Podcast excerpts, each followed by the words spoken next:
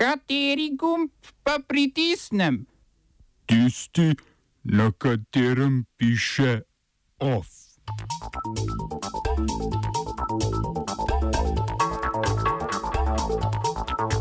Pozdravljeni, tole je osrednji informativni program na Radiu Student.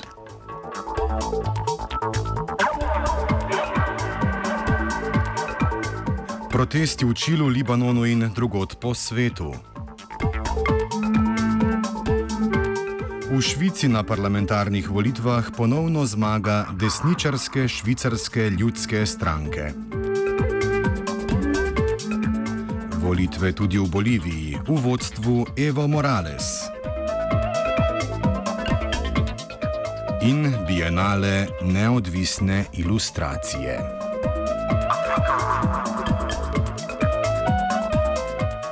Današnji OF začenjamo v Čilu, kjer je predsednik Sebastian Pinjera po množičnih protestih, v katerih je prišlo tudi do smrtnih žrtev, razglasil izredne razmere. V glavnem mestu Santiago de Chile in še petih večjih mestih so oblasti uvedle policijsko uro, na ulicah pa je posredovala tudi vojska. Povod za proteste je bilo povišanje cen vozovnic javnega prometa, a kot smo vajeni iz primerov drugot po svetu, nezadovoljstvo sega globlje. Protesti pa so se nadaljevali tudi potem, ko so oblasti preklicale sporni ukrep. Med ostalimi razlogi protestnikov so tudi neenakosti dohodkov v državi in splošno višanje življenjskih stroškov.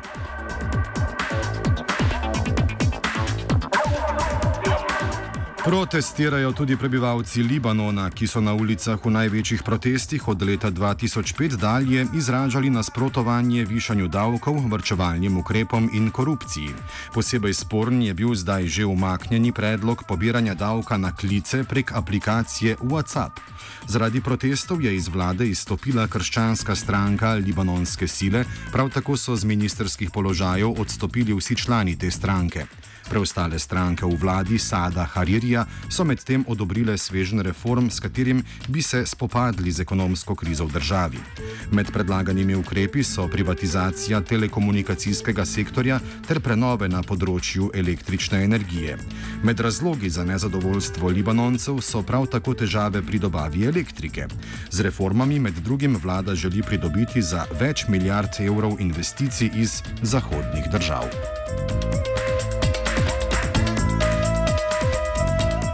Pregled protestnega dogajanja po svetu nadaljujemo v Bangladešu, kjer je policija ubila več ljudi, ki so protestirali zaradi domnevno bogokletnega sporočila, ki naj bi žalilo preroka Mohameda na omrežju Facebook.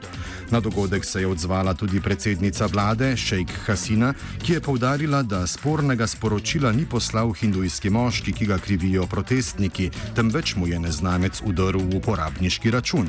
To vrstnih protestov zoper bogokletna sporočila na družabnih omrežjih je bilo v preteklosti v Bangladešu že več, tokratni pa se zaradi nasilnega zatrtja in smrti med protestniki utegnajo še nadaljevati.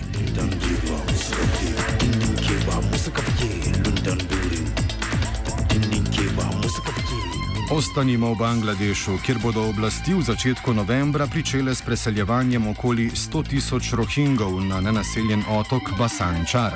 Namen preseljevanja je zmanjšati prenaseljenost taborišč, ki predstavljajo domovanje dobrega milijona rohinjskih beguncev, ki so se tja zatekli pred preganjanjem v sosednjem Mjanmaru.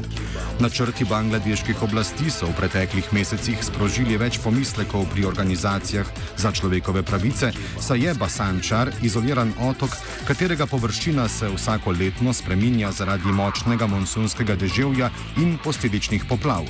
To pa bi lahko pomenilo, da je otok neprimeren za bivanje, kljub prizadevanjem oblasti, da bi zagotovile zavetišča in protipoplavne nasipe.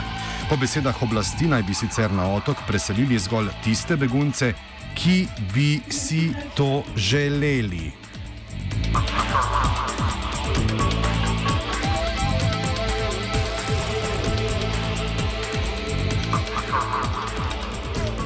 Prvem krogu predsedniških volitev v Boliviji po preštetih 84 odstotkih glasov vodi dosedanji predsednik Evo Morales iz stranke Gibanje za socializem, ki se poteguje za svoj četrti mandat.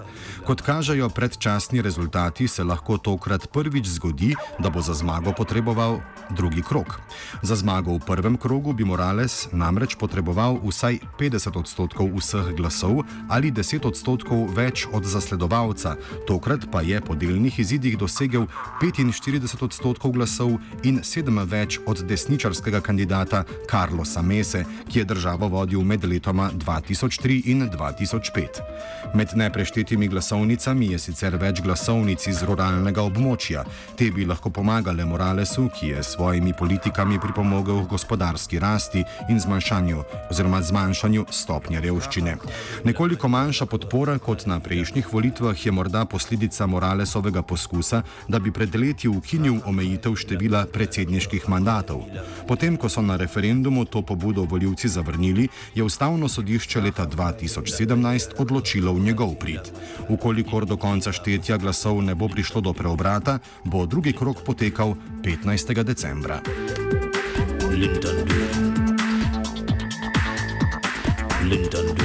Na parlamentarnih volitvah v Švici je s 25 odstotki podpore ponovno slavila desničarska švicarska ljudska stranka, ki je sicer tokrat osvojila 12 sedežev manj kot pred štirimi leti.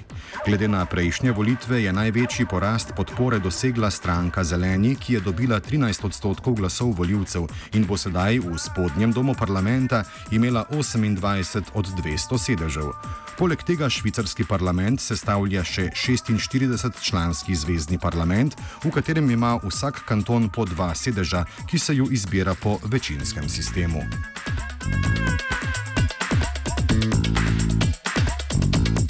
Makedonski premijer Zoran Zajev je po odločitvi vrha EU v Bruslju, da Makedoniji, pardon, Severni Makedoniji in Albaniji onemogoči začetek pristopnih pogajanj, sporočil, da bodo v državi sklicali predčasne volitve. Te naj bi po dogovoru s koalicijskimi partnerji in predsednikom države Stevom Pendarovskim potekale 12. aprila prihodnje leto, Zajev, Zajev pa bo z položaja odstopil v začetku januarja. Začetek pristopnih pogajanj obeh držav je sicer blokirala Francija, vstopu Albanije v EU pa naj bi nasprotovali tudi Nizozemska in Danska. Večina evropskih držav sicer pogajanja za vstop Albanije in Makedonije podpira, posebej potem, ko je slednja s prespanskim, prespanskim sporozumom v imenu države dodala pridevnik Severna in tako končala dolgoletni spor z Grčijo. Pismo nezadovoljstva je evropskim voditeljem spisal tudi slovenski premijer Marjan Šarec.